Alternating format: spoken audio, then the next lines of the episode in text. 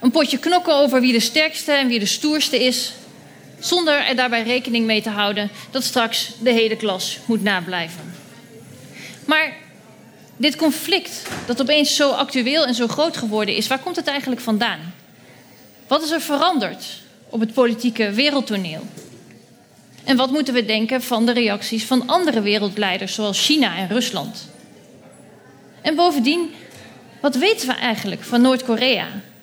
Het is misschien wel het enige land ter wereld dat er wonderwel in slaagt om zich volslagen in nevelen te hullen. Wat heeft dit gebrek aan kennis van ons voor invloed op ons politieke oordeel en ons politieke handelen?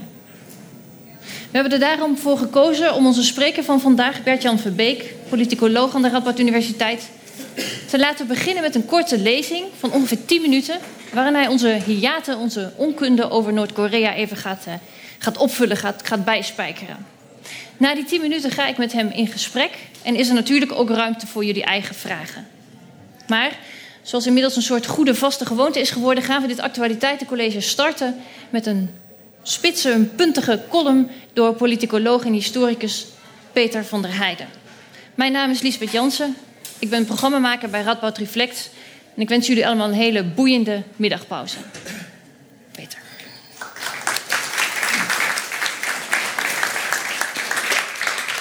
Nou, mij de schone taak om de hiaten alleen maar groter te maken in de kennis dan. Daar gaan we.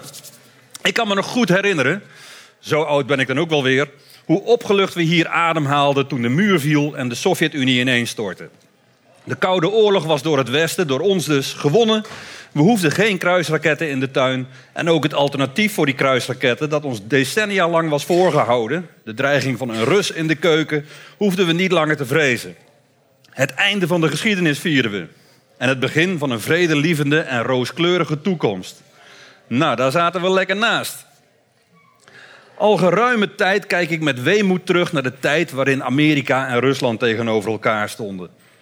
Die twee keken wel mooi uit om een uh, confrontatie aan te gaan.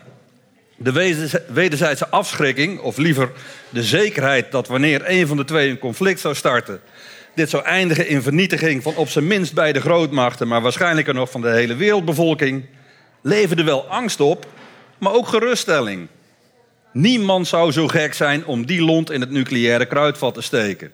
En het was ook lekker overzichtelijk. Wij in het westen hadden maar één echte vijand en zij in het oosten ook.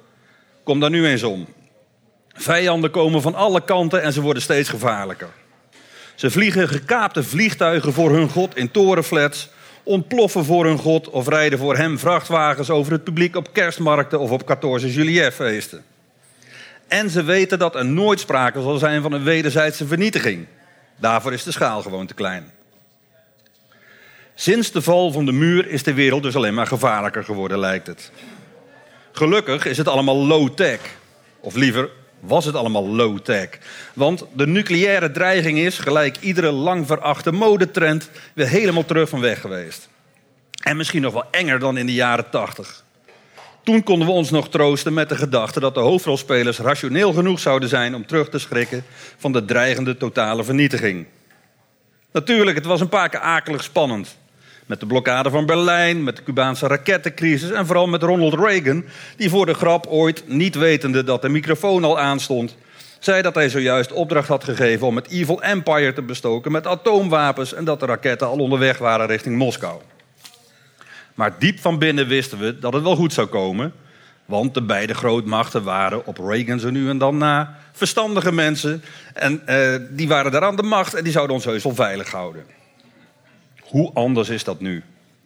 Nu wordt de wereld gegijzeld door een megalomane gek die er alles voor over heeft om zijn grootheidswaanzin tot in lengte van jaren uit te kunnen leven.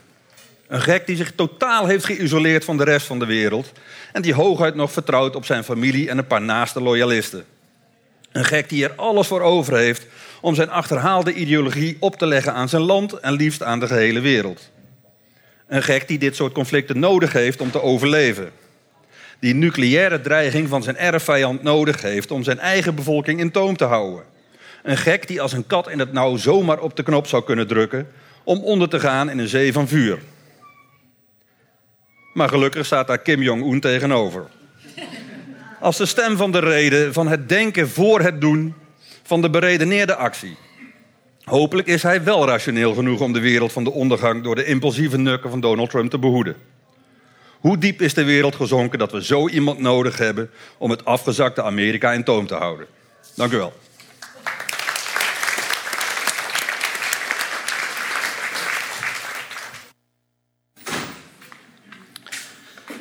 Uh, goedemiddag allemaal. Uh, Peter raakt wel een paar essentiële dingen in het uh, debat, denk ik. En een van die hamvragen is inderdaad in hoeverre we uh, rationeel gedrag kunnen verwachten van de leiders van landen die de beschikking hebben over kernwapens. Um, maar daar zijn we nog niet aan toe aan die vraag. Ik wilde eerst een aantal zaken weergeven over eigenlijk het ontstaan en verloop van het conflict en daarbij meerdere perspectieven aan bod laten komen. Ik wilde daar eigenlijk drie zaken benadrukken. Ik wil beginnen met uh, wat ik maar de mondiale ontwikkelingen noem, die wel nodig zijn om te begrijpen waarom. In, in, welke context deze escalatie van dit conflict plaatsvindt. Ten tweede wil ik ingaan op eigenlijk een, de tegengestelde perspectieven, het dominante westerse perspectief en het uh, minderheidsperspectief van uh, Noord-Korea op dit conflict. En tot slot wil ik kort ingaan op de, um, de, de, dynamiek in 2017, een, wat je eigenlijk een, een, crisisdynamiek zou kunnen noemen, van escalatie en heel klein beetje de-escalatie soms. Uh, om dan te eindigen, als dat allemaal lukt in 10 minuten, met vijf scenario's. Um, goed. Eerste mondiale ontwikkelingen. Wat er ook gebeurt ten aanzien van we over die kernraketten en dergelijke lezen... en Amerikaanse reacties en boycotts, et cetera... bedenk sowieso dat er al jarenlang, de laatste 10, 15 jaar met name... een grote wapenwetloop aan de gang is in Azië in het geheel... en met name in Oost-Azië. Uh, je ziet hier een plaatje met, uh, dat is natuurlijk niet te lezen... maar in ieder geval uh, de omvang van de strijdkrachten... van de belangrijkste landen rondom het Koreaanse schiereiland... Dat is allemaal huiveringwekkend genoeg, maar dit plaatje is misschien nog wel interessanter. Het laat zien wat er aan militaire uitgaven wordt gedaan in, laten we zeggen, de Oost Aziatische en Oceanische regio. En dan kun je zien dat in de laatste tien jaar met name in Oost-Azië sprake is van een toename van 75% van wat er uitgegeven wordt aan militaire zaken. Uh, dat is ook de grootste post zelf met 300 miljard dollar. Dat is voor een groot deel natuurlijk China, dat niet alleen zich op het Koreaanse schiereiland richt natuurlijk, gelukkig. Uh, maar om aan te geven dat hier een aantal landen, met name in rondom het uh, Koreaanse schiereiland, verwikkeld zijn in een al langduriger wapenwetloop, waar voor een deel dit verhaal over kernwapens een onderdeel van is. Dat betekent dat ook dat, dat is de eerste grote oorzaak van de problemen van nu. De tweede is inderdaad mede in reactie daarop eigenlijk uh, de ontwikkeling van een kernwapenprogramma in Noord-Korea, dat weer ieder ander in de omgeving uh, in de gordijnen jaagt en bang maakt. Tweede element op mondiaal niveau dat we gaten moeten houden is dat alles wat er gebeurt consequenties zal hebben voor wat, het, wat we het non-proliferatieregime noemen. Uh, de afspraken met elkaar om te proberen ervoor te zorgen dat kernwapentechnologie niet wordt verspreid en mensen die ook niet, landen die ook niet gaan zoeken. En dat kernwapens niet worden geëxporteerd en anderen die het ook niet zullen kopen. Um, Noord-Korea hoort daar niet meer bij, formeel, maar we proberen nog steeds wel die zaak uh, in de, uh, aan de gang te houden. Mocht het, en dat is een van mijn scenario, ertoe leiden, de crisis van vandaag, dat we, wij, de internationale gemeenschap, uiteindelijk zullen accepteren dat Noord-Korea is toegetreden tot de club van kernwapenlanden, zal dat gevolg hebben voor dit regime. Want ongetwijfeld zal Iran het volgende land zijn dat eigenlijk dan vraagt om, maar dan mogen wij ook. Uh, bedenk dat wel, dat speelt op het mondiale niveau. Als je dan afdaalt naar het niveau van wat zijn nou eigenlijk de verhalen, de argumentaties van de, laat ik maar voor het gemak zeggen, twee partijen in de regio van wat er is gebeurd, dan is het in ieder geval zo dat het ons beeld, zoals wij dat in de geschiedenisboekjes lezen en uh, zoals het uh, nog steeds in de media daaraan wordt gerefereerd, het dominante beeld is. Dat beeld is er een van, nou, in 1948 ontstaat er in Noord-Korea een communistische dictatuur. Twee jaar later ziet de leider uh, Kim Il-sung zijn kans schoon om Zuid-Korea binnen te vallen om het land te verenigen. Dus hij pleegt agressie. Tegen agressie moeten we wat doen via de VN. Daar zie je de stemming in de Veiligheidsraad. De VN zet middelen in vooral de Verenigde Staten, om de Noord-Koreanen terug te dringen. Nou, hoop gedoe. Er ontstaat een, een, een impasse rondom de 38e breedtegraad, die er nu nog steeds is. En zoals Peter in wezen aangaf, de Koude Oorlog bestaat nog steeds. Daar vinden we nog steeds waar het communisme tegenover de rest van de wereld, noem het voor mij maar het Vrije Westen, uh, tegenover elkaar staat, letterlijk. En dan zie je de periode vanaf 1953, wapenstilstand, nooit echt formeel een vredesverdrag, dat die oorlog eigenlijk formeel nog steeds voortduurt. En dat wij dat zien als Noord-Korea een land dat wordt geleid door dictators die uh, uh, heersen op basis van een cultus van persoonsverheerlijking. Hier zie je de stamboom van de geweldige familie Kim. Um, en sinds een jaar of twintig, eigenlijk sinds begin jaren negentig, uh, is er af en toe een crisis, een kat-en-muisspel over het ontwikkelen van een kernwapenprogramma. Meestal met dan weer wat sancties, en dan gebeurt er weer even niks, en dan komt er weer een proef, et cetera. En dat gaat maar een hele tijd zo door. En dat moet gestopt worden, is dan nu natuurlijk het verhaal. Dat is het dominante verhaal. De Noord-Koreanen kijken daar heel anders tegenaan.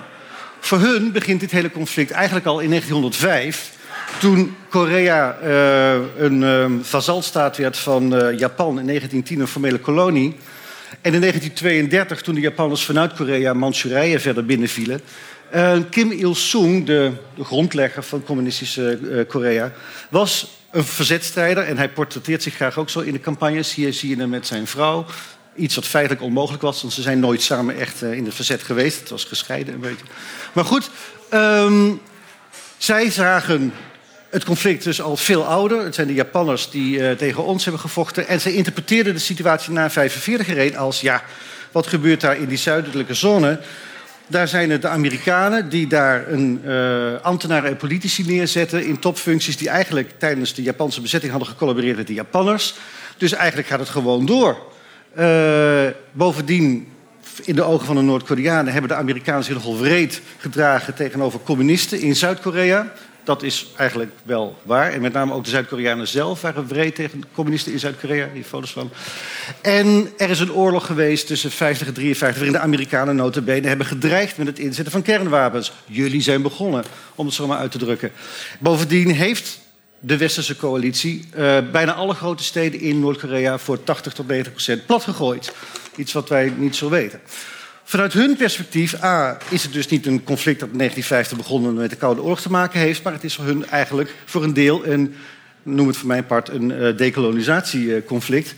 Uh, en dat is in ieder geval hoe op scholen van kinds af aan Noord-Koreanen worden opgevoed met dit idee. In die zin ben ik deels met Peter eens dat wel uh, Kim Jong-un Amerika als vijand nodig heeft om zijn eigen bevolking te mobiliseren en zijn regime te legitimeren. Maar ik denk dat we niet moeten onderschatten dat hoe bedrogen dat misschien ook verder ook is en hoe wreed en totalitair uh, het uh, bewind is, er toch een bepaalde mate van legitimiteit voor dat bewind daar bestaat onder de bevolking vanwege dit geschiedenisverhaal. Ik denk dat we dat niet moeten uh, onderschatten. Dan komen we uit bij de, wat ik maar noem, de crisisdynamiek van, van dit jaar. Ik, ik, ik moet bekennen, ik ben zelf, ik ook voor het eerst wel een beetje bang geweest van echt conflict. Vooral toen de Amerikanen uh, de, de, de vlooteenheid uh, richting Noord-Korea op deden stomen. Dat, dat, vond ik eigenlijk nog wel gevaarlijker wat er nu gebeurt misschien. Maar gelukkig deed die vloot er zo lang over dat het alweer een beetje was gedeescaleerd. Maar goed. Maar dat is wel het punt. Escalatie. Wat we zien is in wezen een, een proces waarin een soort chicken game wordt gespeeld. Waarin de ene partij steeds de inzet verhoogt. En het voor zichzelf steeds moeilijker maakt om een stap terug te doen. En eigenlijk weer een tegenzet van de ander uitlokt. Omdat anders die ander de chicken is. Uh, en eigenlijk uh, staat dus op het spel in zekere zin de geloofwaardigheid. Dat is uitermate ingewikkeld. Want het roept de vraag waar, waar eindigt dat? Uiteindelijk eindigt het met of het totale einde van beide partijen. Omdat ze, op elkaar, omdat ze met elkaar gaan vechten, dan wel één partij geeft toe. Dat is in de internationale politiek niet zo handig. Als iemand echt als een verliezer kan worden neergezet. De vraag in dit soort situaties, als je zegt van gaan we deescaleren, willen we deescaleren, is van kun je een, een, een soort van oplossing bedenken waarin een, toch een soort van, eventueel slechts symbolisch, maar toch een soort van uh, concessie wordt gedaan aan beide partijen, zodat ze met opgeheven hoofd, binnenlands zowel internationaal, uh, kunnen deescaleren. Um, het grote probleem daarbij bij de beslissing van gaan we verder escaleren of gaan we deescaleren, is dat we eigenlijk niet zo heel veel weten over de ware intenties van met name de uh, Noord-Koreanen. natuurlijk zou ik bijna zeggen, hoewel we ook niet helemaal zeker zijn, daar wees Peter eigenlijk in zijn column ook al op, over de ware intenties van de Verenigde Staten. Het grote probleem is inderdaad, uh, en daar begonnen we deze hele uh, bijeenkomst mee, van we weten zo weinig van Noord-Korea dat het heel verleidelijk is om ons dan te concentreren op wat we dan wel menen te weten. Nou, dat is een beetje een rare familie die een persoonlijkheidscultus onderhoudt, de mensen onderdrukt, vijanden buitensland zoekt en misschien wel een beetje gek zijn. Ehm, maar dat is voor een deel um, een, een, zeg maar een uiting van onze eigen nou, onkunde of onwetendheid op dit gebied. Um, ik weet het antwoord ook niet. Maar ik kan me bijna niet voorstellen dat welke leider dan ook, hoe, hoe vreemd, clownesk, gek ze misschien ook uh, lijken te zijn, waar ook de wereld, dat zij niet doordrongen zijn van de uiterste consequenties van het inzetten van kernwapens. En zolang er een zogenaamde uh, wederzijdse afschrikking bestaat, het feit dat als de een de ander aanvalt, de ander nog steeds in staat is om de aanvaller te vernietigen uh, met een kernwapen, dat zelfs mensen als Kim Jong-un en Donald Trump zo rationeel zullen zijn om daarvan af te zien. Maar als dat inderdaad het spel is, dan weten we ook dat het escalatiespel bijna geen einde kent, zolang niet iemand een soort van uh, zeg je dat, oplossing met, zonder gezichtsverlies uh, voor beide uh, kan bedenken. Er zijn binnenlandse doeleinden, daar ben ik het zeker mee eens. Uh, zowel de Verenigde voor, Trump is het handig, gezien zijn perikelen binnenlands, om een buitenlandse vijand te hebben en daar de ogen op gericht te hebben. Ook voor uh, Kim Jong-un zijn is het zeer instrumenteel om een vijand te hebben. Um, um, dat is een dynamiek waar we zeker uh, rekening mee moeten houden. En dat betekent dat je misschien daarom ook, uh, als je gericht bent op de-escalatie, daar je oplossingen moet zoeken. moet je inderdaad moet je proberen om de bevolking, de steun van de bevolking voor beide leiders te beïnvloeden om ervoor te zorgen dat dingen veranderen. Dat proberen we in wezen ook als internationale gemeenschap. Vervelend woord, hou ik niet van, maar goed. Uh, door hele strenge sancties nu weer te hebben opgelegd. De streng, strengste sancties ooit, zegt men. Waardoor 90% van de export van uh, Noord-Korea aan banden is gelegd. De impliciete verwachting daarbij is, is eigenlijk, dat zijn we niet zo expliciet over, maar dat uh, de Noord-Koreaanse bevolking zo arm, hongerig, et cetera, zal worden dat ze haar geloof, steun, geloof in, steun aan uh, het regime zullen opgeven. Ik denk dat dat een, um, voor een deel een misrekening kan zijn. Als we iets weten van bijvoorbeeld de Tweede Wereldoorlog, maar ook andere conflicten, Vietnam. Als het, uh, wanneer je probeert om uh, de bevolking zo moeilijk mogelijk te maken om te hopen dat ze maar in opstand komen, dat het eerder het geval is dat de, dat de bevolking nog meer achter de leiders zullen scharen dan, dan verwacht. Dus dat, dat scenario verwacht ik niet dat het verwezenlijkt wordt. Bovendien is het het horrorscenario voor China uh, en Zuid-Korea... die helemaal niet zitten te wachten op het ineenstorten uh, van een Noord-Koreaans regime... met honderdduizenden, zo niet miljoenen vluchtelingen... en het dragen van de kosten voor de wederopbouw van zo'n land. Dat is best een ingewikkelde kwestie. Al met al kom ik daarom tot... Uh, nou, die laten we maar even liggen. tot vijf scenario's. En misschien zijn er nog wel meer denkbaar voor de komende tijd. Eén, pardon, één er is sprake van wel degelijk een gewapend conflict straks. Ik durf niet te zeggen nucleair of niet nog. Door misperceptie en misrekening. Dat is iets wat we wel onder ogen moeten zien. Ook al zou, u hoort mij zeggen dat ik nog steeds wel geloof in een zekere mate van rationaliteit van de leiders. Maar wat we weten uit internationale crisis is dat vaak conflicten voortkomen uit verkeerd geïnterpreteerde informatie. Uh, informatie die uiteindelijk niet uh, de leiders bereikt, waardoor er verkeerde inschattingen worden gemaakt en daardoor een conflict wordt getriggerd. Tweede scenario is gewapend conflict door de roekeloosheid van de politieke leiders.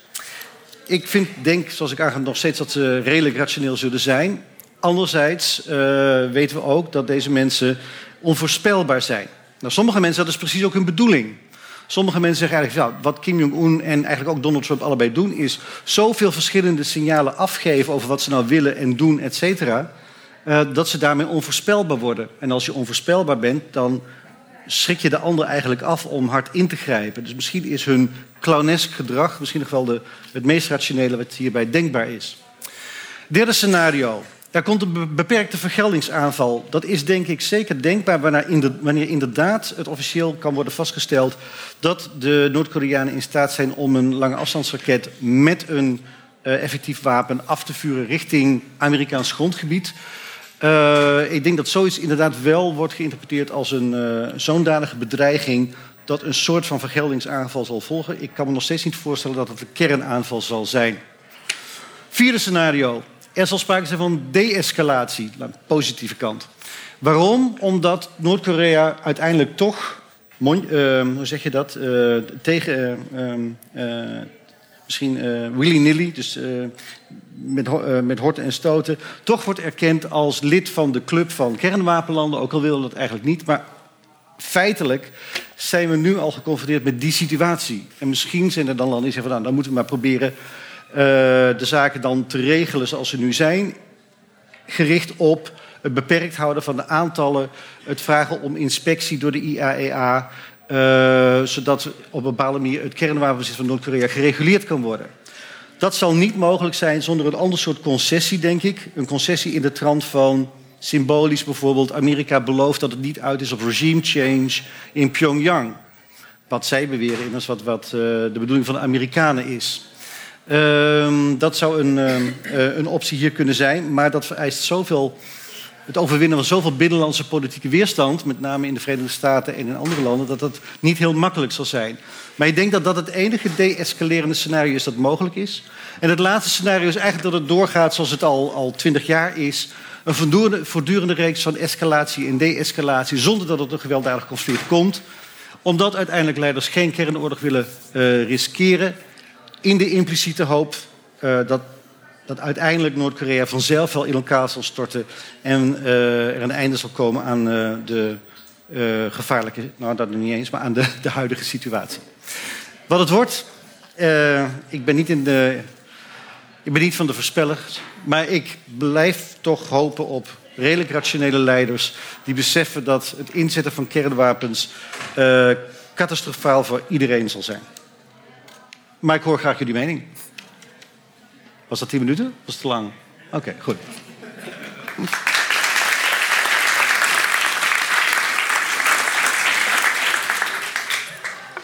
Ja, Bertjan, dankjewel. Hm? Dat was een hoop informatie in uh, korte tijd. Heel goed. Um, ik wil even terugkomen op iets wat je eigenlijk in het begin van je lezing al zei.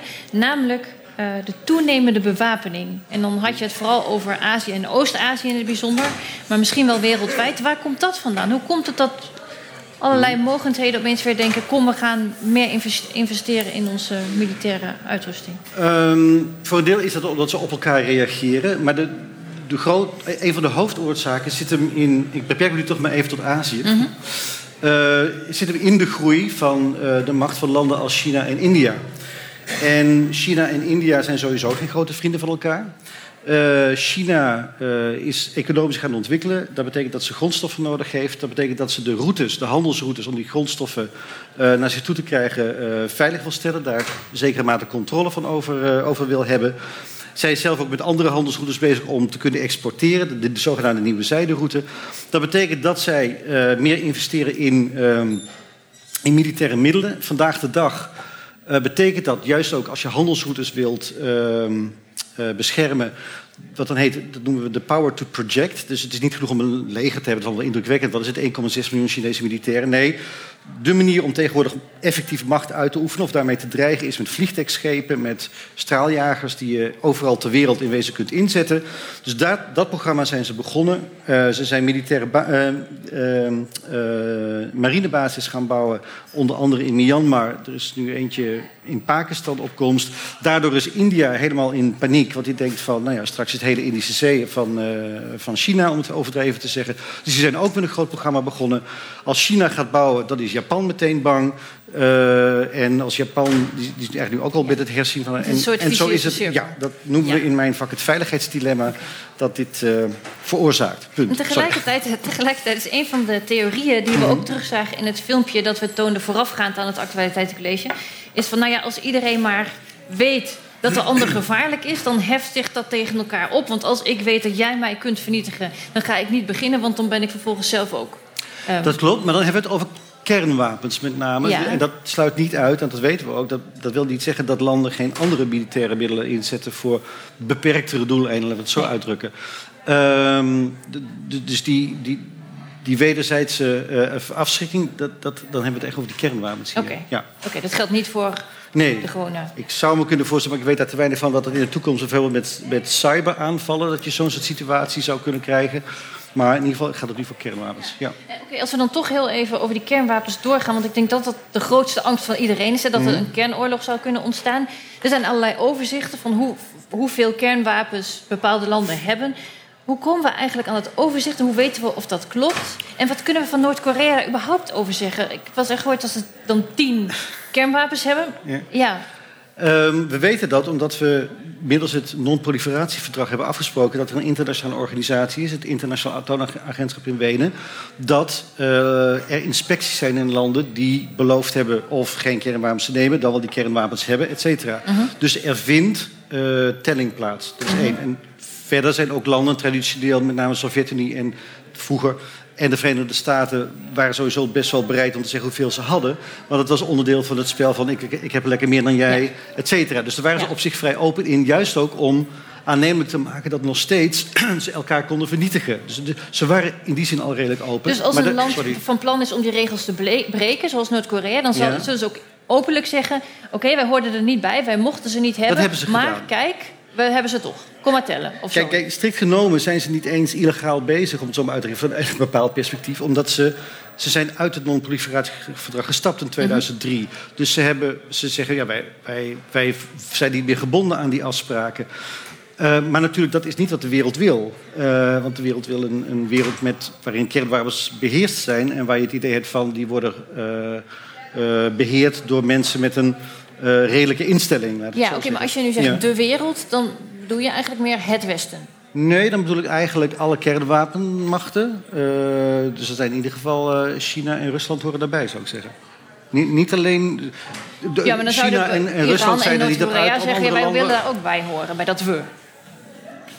Sorry. Ik, en ik zei, dan zouden landen als, als misschien India ook wel, maar Iran en Noord-Korea zeggen, ja, maar wij willen Ja. ook bij dat we horen. Wij willen ook eh, daarover mee mogen praten, wij Dat- willen, ook meedoen. Het heeft te maken met eh, een van de vragen, die ik aangaf van, een vragen die ik net aangaf van... wat zijn nou de intenties van Noord-Korea? Wat willen ze eigenlijk? Wat willen ze met dat kernwapen bereiken? Willen zij inderdaad een soort van... eh, jullie wij vinden dat jullie een gevaar voor ons zijn. Dit is ons ultieme wapen om ons te kunnen verdedigen. Maar dat geloven wij niet, althans sommige mensen bij wij... omdat we denken, nou misschien gebruiken ze dat wapen straks... om Zuid-Korea weer aan te vallen. Dus dat is een grote onzekerheid. Andere landen die je noemde, India en Pakistan en Israël, hebben kernwapens. Israël officieel zegt van niet. India en Pakistan, daar weten we officieel van van wel. Maar zij zijn ook gelid van het non-proliferatieverdrag. Maar dat hebben we, nou ja, dat eigenlijk vergelijken we met Noord-Korea. Die hebben dat ontwikkeld, dat hebben we toegestaan. En we hopen dan maar dat we hen kunnen bewegen om niet eh, die technologie te exporteren en geen kernwapens te verspreiden. Ja. Uh, een land als Noord-Korea staat er helemaal buiten. En dat, dat is. In die zin is het zij-wij-verhaal wel belangrijk. Kijk, het, het wij-verhaal is er een van. Eigenlijk zijn we allemaal soevereine landen. die elkaar allemaal respecteren. en dat we de internationale politiek bedrijven op een bepaalde nette manier. Uh, en Noord-Korea is een van de landen waarvan we eigenlijk denken: van die speelt het spel niet zoals wij willen dat het spel gespeeld moet worden. En lange tijd hebben we daar ook Iran van beschuldigd. En Libië en Cuba. En daar ben je al de excess of evil van. Uh, Bush zijn we al bijna terug. Um, maar de, het is wel het idee van zij houden zich niet aan wat wij, rationele, soevereine machten, eigenlijk vinden hoe het spel gespeeld moet worden. En het is heel moeilijk om uh, ervan overtuigd te raken dat de ander dat spel wel op die manier speelt en dat hij het eigenlijk alleen maar ziet als een verdedigingsmiddel en niet als een agressiemiddel. Ja, en jezelf te poneren als uh, rationele, soevereine staat en de Mhm. anderen dus te, van te betichten dat zij dat niet zijn, werkt misschien ook niet heel erg. Nee, dan, dan sluit je ze sowieso Ja. uit. Maar Ja. het dilemma zit hem erin dat je misschien niet het risico kunt nemen van... nou, het valt vast wel mee, dus laten we maar aardig tegen ze zijn. Dat is een, dat is een gok, Ja. in zekere zin. Ja. ja. Goed, voordat ik naar het publiek ga, Frank, wil ik nog heel even iets vragen over de sancties. Mhm. Um, want inderdaad, er werd nogal gesteggeld over hoe hard moesten die sancties nu zijn. Um, je hebt zelf al even iets gezegd over de gevolgen voor de, uh, voor de bevolking, vooral van Noord-Korea. Hoe, ja, hoe moeten we dat, wat zijn de belangen van, van China en Rusland en hoe hard maken uh, zachte, uh, hoe zeg je dat, zachte heel meeste stinkende wonden? Ja. Of moeten ze juist zeggen, ja, het is helemaal niet ethisch, überhaupt niet die sancties, want die Kim Jong-un die wordt er helemaal niet door beïnvloed, maar wel al die mensen die mhm. sowieso al honger lijden. Oké, je raakt nu een ander probleem. De ethiek van sancties, dat is een ander, of, of, de effectiviteit van sancties in, vanuit dit kernwapenperspectief. Uh, Als om de ethiek gaat, maar dat geldt voor alle sancties. De vraag van de mate waarin, wat voor sancties dan ook, waarop gericht bepaalde groepen treft die je eigenlijk wilt beschermen uh, met je beleid. Zeg maar. Dus dat, die ethiek, dat, dat vind je overal, niet alleen hier. Als, het gaat om, de, om de effect, ja. als het om de effectiviteit van die sancties gaat. Oké, China, haar belang is meerduidig. A, uh, ze wil zeker niet dat Noord-Korea een, een, een, westerse staat wordt. Ze, zullen zeker ook niet willen dat uh, er een soort van instabiel Noord-Korea komt. Ze hebben al veel last zeggen ze, uh, van illegale migranten die vlak over de grens uh, komen werken. Ehm, en uh, zijn bang voor nog meer migranten bij het instabiele Noord-Korea. Um, China wil zeker geen vijandig Noord-Korea dat beschikt over kernwapens. Dat, is ook niet prettig aan hun grenzen. Een, uh, een soort van vriend te hebben die, die, eigenlijk ook kan, die jou eigenlijk ook kan vernietigen, mhm. een beetje. Dus uh, China probeert eigenlijk uh, ja, de zaak te rekken zonder dat het regime zelf valt. Ze willen het regime misschien wel matigen en misschien opener maken, zoals zij zelf ook zeg maar, twee systemen, een politiek systeem en een mhm. economisch systeem, naar hebben gehouden. Maar ze willen het ook niet zodanig dwingen dat daar uh, instabiliteit gaat ontstaan. Vandaar ook dat China bijna altijd, als er voorstellen zijn voor sancties bij de Veiligheidsraad, een meer gematigde positie inneemt. Dat zij meestal kwalificeren als: We want to punish North Korea, we do not want to strangle them. En ook bij de laatste ronde, met, uh, waar nu dan de strengste, strengste sancties uit zijn gerold, de Amerikanen hadden eigenlijk nog strengere sancties gewild. Maar op aandringen van China en een beetje ook Rusland zijn die uh, weer gematigd. Ja. China heeft belang bij het behouden van de situatie in Noord-Korea zoals die is. Of in ieder geval ge gematigde verandering. Uh, geleidelijke verandering. En geen uh, snelle afgedwongen verandering. Ja. En geen chaos. Ja. Ik ga even naar jullie. Als je een vraag hebt, steek je vinger op. Mijn collega komt met een microfoon. Stel een korte vraag, eindigt in een vraagteken. Uh, want we hebben maar tien minuten. Ja, Frank, jij was net als eerste. Uh, zijn er tekenen dat er nu meer dan voorheen redenen zijn binnen Noord-Korea om een externe vijand nodig te hebben? Er waren allerlei signalen dat bij de overdracht, de machtsoverdracht, alle dingen iets mm onduidelijker verliepen. Zeg maar. Dus is het nu zo dat, er, dat Kim Jong-un meer reden heeft dan zijn voorgangers om uh, Amerika als boosdoener aan het buitenland te hebben? Twee, twee, twee dingen kunnen daarbij spelen. Eén is binnenkort is de Nationale Onafhankelijkheidsdag van Noord-Korea. Dus veel mensen geven inderdaad aan van alles wat er nu gebeurde, het lanceren van de raket, een nieuwe test, zijn vooral bedoeld om op die paradedag uh, het land als sterk en als eenheid tegen de vijand neer te zetten. En in die zin, maar dat zou een regulier uh, mechanisme zijn om steun te verwerven onder de bevolking, zou ik zeggen, waar die timing op zich wel interessant bij is. Of het nu meer dan vroeger is, dat denk ik eigenlijk niet. Eh, in het begin, toen Kim Jong-un net uh, aan de macht was, uh, was er wel veel, veel debat over van... heeft hij eigenlijk wel greep op het land? Heeft hij greep op de partij? Heeft hij greep op het leger? Er zijn heel veel zuiveringen geweest. Ook mensen in zijn naaste omgeving. Die zijn vermoord, vergiftigd, et cetera. maar sinds een jaar was juist het idee ontstaan... dat Kim Jong-un wel degelijk de macht heeft. En dan zou je zeggen, dan heeft hij dus dit programma niet per se nodig om dat nog verder te verstevigen. Het helpt hem wel natuurlijk om nog verder. Maar niet om die macht eigenlijk te verwerven ten koste van leger en, uh, en partij. En in die zin, ja, vanuit die perspectief is het dan wel net wel weer verontrustender dat hij, juist nu hij zekerder is van zijn macht, met dit programma verder gaat. Als de theorie is, hij doet het vooral om zijn eigen macht te versterken. Ja, meneer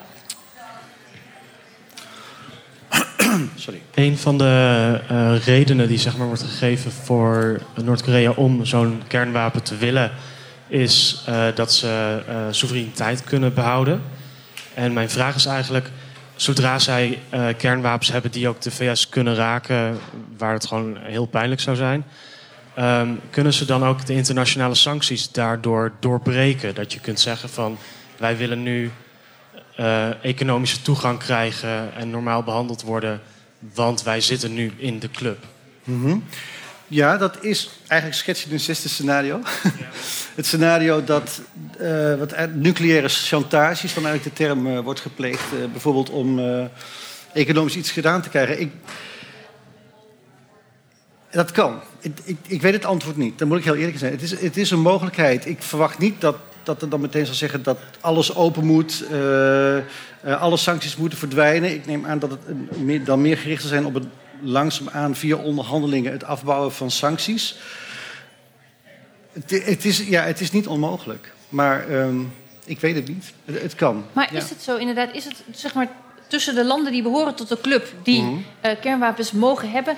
Zijn daar andere banden dan alleen maar wij hebben met elkaar afgesproken dat we kernwapens mogen hebben? Zijn er e andere economische belangen? Steunen die landen elkaar op andere manieren dan het respecteren van elkaars bewapening? Mm, ja en nee. Um, kijk, eigenlijk bijna alle landen van het non-proliferatieverdrag is een van de meest succesvolle verdragen. Dus er zijn maar vier landen, vier geloof ik, vijf, die daar geen deel van uitmaken. Uh, dus dat is, dat is, dus het zijn er niet alleen de kernwapenlanden, het zijn ook de niet-kernwapenlanden die daar in zekere zin wel van overtuigd zijn dat dit een van de mm, beste manieren is om te proberen dat kernwapenprobleem uh, uh, in bedwang te houden. Uh, oplossen kun je het niet, maar in ieder geval onder controle te houden. De landen zelf zijn economisch en politiek hebben ze wel verschillende belangen. Aan de ene kant zijn de landen, met name China en de Verenigde Staten, economisch helemaal, heel erg met elkaar verweven. Zuid-Korea en China zijn dat. Taiwan, geen echt land, maar goed. En China zijn dat. Japan, Korea, China zijn dat. Dat is wel een soort van band die ze hebben. En sommige mensen menen ook dat als je die banden zou uh, aanknopen met Noord-Korea, dat dat langzaam ook tot een verbetering van de situatie in de zin van richting ons soort systeem misschien zou kunnen leiden. Dat is, dat is ontegenzeggelijk waar. Maar, maar tegelijkertijd vindt die uh, militaire uh, wapenwetloop plaats in die regio. En die gaat niet alleen gepaard met het, zeg maar, het, uh, het, land, het uh, met het te water laten van een vliegtuigschip. Hm. Het gaat ook gepaard met het creëren van uh, nieuwe eilandjes in de Zuid-Chinese Zee. Uh, soevereiniteit daarover claimen en eigenlijk uh, ouderwetse vorm van landjepik ja. die daar plaatsvindt. En dat, dat is een. Die, die, die zaken lopen parallel. En die, die kunnen, zeg maar, het een kan een soort van het militaire probleem verzachten, zeg maar. Dat mensen toch niet, landen iets makkelijker met elkaar samenwerken. Maar tegelijkertijd zijn het juist die, uh, die, die, die acties in de Zuid-Chinese Zee... die grote gevoelens losmaken bij mensen in heel veel landen daar... bij staten die onzeker worden over wat andere staten eigenlijk willen. En dat waar ik niet automatisch zou zeggen van... oh, dat is helemaal geen probleem. Het is die, die, die militaire wapenwetloop in Azië is denk ik toch in de kern... die, die eigenlijk voortkomt uit de economische groei van China en India... Dat is in de kern de, uh, het, het, grote probleem. En dan maakt het niet uit of we economisch veel met elkaar samenwerken of niet. Okay. Daar moet iets aan gebeuren, denk ik toch. Dank je. Zeg ik wel heel hard, maar ja, denk ik toch wel. Ja. Wie mag ik het woord geven? Ja, meneer daar achteraan.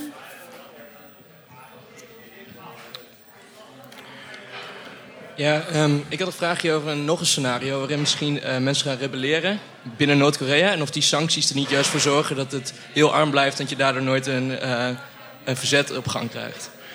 Even zien. De mensen komen in opstand en de sancties nou ja, dan? de, de, de Noord-Koreanen zelf tegenover de Ja. dictator. En dat die sancties uh, die steeds groter worden, dat dat ervoor zorgt dat je die armoede blijft. Waardoor het makkelijker is om een totalitariair regime daar te hebben. Um, ik verwacht zelf niet dat mensen in Noord-Korea heel snel in opstand zullen komen. Ik bedoel, het is zo'n aan de ene kant zo'n totalitaire samenleving. Wat we in ieder geval horen van de mensen die daaraan ontsnappen en daar verhalen over vertellen.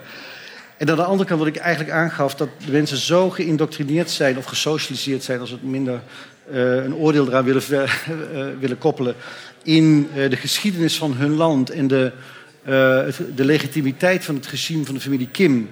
En wat hij allemaal heeft gedaan voor dat land. En overtuigd zijn van waar de vijand zit, namelijk Japan en, uh, en de Verenigde Staten. Dat het, ik, ik, zie niet gauw een, een, een, echte opstand. Je ziet wel dat mensen uh, proberen te vluchten. Dat, die, er zijn iets van 500.000 arbeidsmigranten, Noord-Koreanen in China. Die, dat, is, dat is wel een teken van uh, onvrede in zekere zin. Hoewel zij ook daardoor geld verdienen dat ze weer terugbrengen in Noord-Korea. Maar nee, dat, dat voorzie ik eigenlijk niet. En ik denk ook niet dat, uh, dat de sancties dat dichterbij uh, zullen brengen. Als dat de bedoeling is. Als dat, ik had nog steeds goed begrepen als dat de partij was van je vraag. Misschien is het ook wel een heel bekend psychologisch mechanisme. Hè? Mm. Dat in de zin van uh, hoe harder je tegen je dochter zegt dat dat vriendje echt niet geschikt is, ja. hoe meer ze geneigd is het tegendeel ja. te beweren. Ondanks dat leuke kapsel van dat Precies. Ja. Wie? Ja, meneer.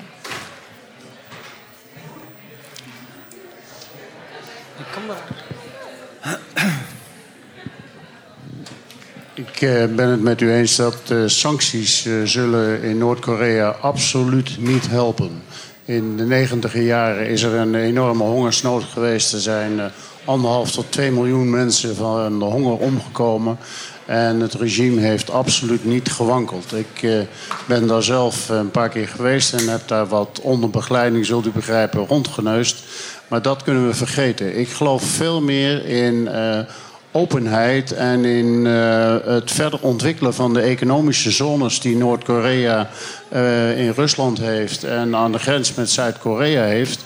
Want daar krijgen zeg maar, de arbeidsslaven, zoals die nu gebruikt worden door Noord-Korea om de deviezen binnen te brengen. Dan krijgen de arbeidsslaven een zicht op hoe het in de rest van de wereld is. En dat gaat uiteindelijk uh, het regime ondermijnen. En niet de, de sancties en niet het gebral, want het systeem staat. De mensen zijn zo geïndoctrineerd, die hebben geen idee van uh, hoe het uh, buiten Noord-Korea is. Dan alleen als ze er zelf kennis mee. En de enige mogelijkheid, nogmaals, die we hebben, is de economische zones uitbreiden. Ik ben het voor met u eens, maar dat lost nog niet verder het probleem op. Want u heeft over lange termijn ontwikkeling. Van hoe we nu moeten reageren op de, de nucleaire escalatie, laat het zo zeggen. Dat, dat vereist nog steeds op kortere termijn een vrij fundamentele keuze, denk ik. Uh, uh, waarvan ik hoop dat die de-escalerend zal zijn in ieder geval. Ik heb nog ruimte voor één laatste vraag. Dave? Een vraag. In, in, de media lijkt het vaak alsof uh, Rusland en China nu de, zeg maar, de soort van verantwoorde uh, landen zijn, de verantwoorde staten zijn ten opzichte van de Verenigde Staten, die vooral met oorlogsretoriek gooit. Um, maar is dat eigenlijk wel zo? Want heeft het niet vooral ermee te maken dat zij bang zijn dat uh, de VS onder, samen met Noord-Korea op een gegeven moment aan de Russische en de Chinese grens staat? En dat ze eigenlijk ook, wat u net al zei, niet echt gebaat zijn bij het ineenklappen van het regime? Maar met verantwoord bedoel je degene die voor stabiliteit zorgen en ervoor zorgen dat misschien Amerika niet zo. Uh, uh, ja, degene die vooral zeggen. Soep niet zo heet, uh, ja. heet dat ze wordt opgediend. We moeten een diplomatieke ja, oplossing zoeken. Maar ja en nee. Dus ik ben helemaal met je eens van. Die landen hebben inderdaad baat bij, belang bij de-escalatie. Aan de andere kant met name China heeft er altijd wel een handje van om andere landen zeg maar, net wat strenger te laten zijn. In de Veiligheidsraad bijvoorbeeld, zodat ze zelf niet mee of tegen hoeven te stemmen. Ze laten soms Rusland een beetje de kastanjes uit het vuur. En ik denk dat ze ook niet helemaal onblij zijn als uh, onder leiding van de Verenigde Staten binnen de VN uh, sancties worden aangescherpt. Maar wat ze de, feitelijk ook steeds doen, ze willen daar de scherpe randjes wel van afhalen. Ze verschuilen zich ook. Ze zijn niet helemaal onblij met wat er in het Westen zeg maar, gebeurt. Uh, maar inderdaad, voor hun zou wel de, uh, de, de, de, rode lijn zijn van ja, het moet niet leiden tot ineenstorten van het regime. Ja. Goed, we zijn aan het einde gekomen van dit actualiteitencollege. Ik wil graag onze sprekers Bert-Jan Verbeek en Peter van der Heijden heel erg bedanken. Natuurlijk jullie ook, dat jullie hier waren en vragen hebben gesteld en mee hebben gedacht. En mocht jullie nu nog een prangende vraag hebben, dan is Bert-Jan misschien nog wel bereid om die uh, even kort te beantwoorden. Tot kwart voor twee. Tot kwart voor twee. Mochten jullie dit een leuke activiteit hebben gevonden, dan kijk even op de website van Radboud Reflex, want wij hebben regelmatig dit soort lezingen, debatten enzovoort. Een fijne middag nog. Dankjewel. Ja, ja.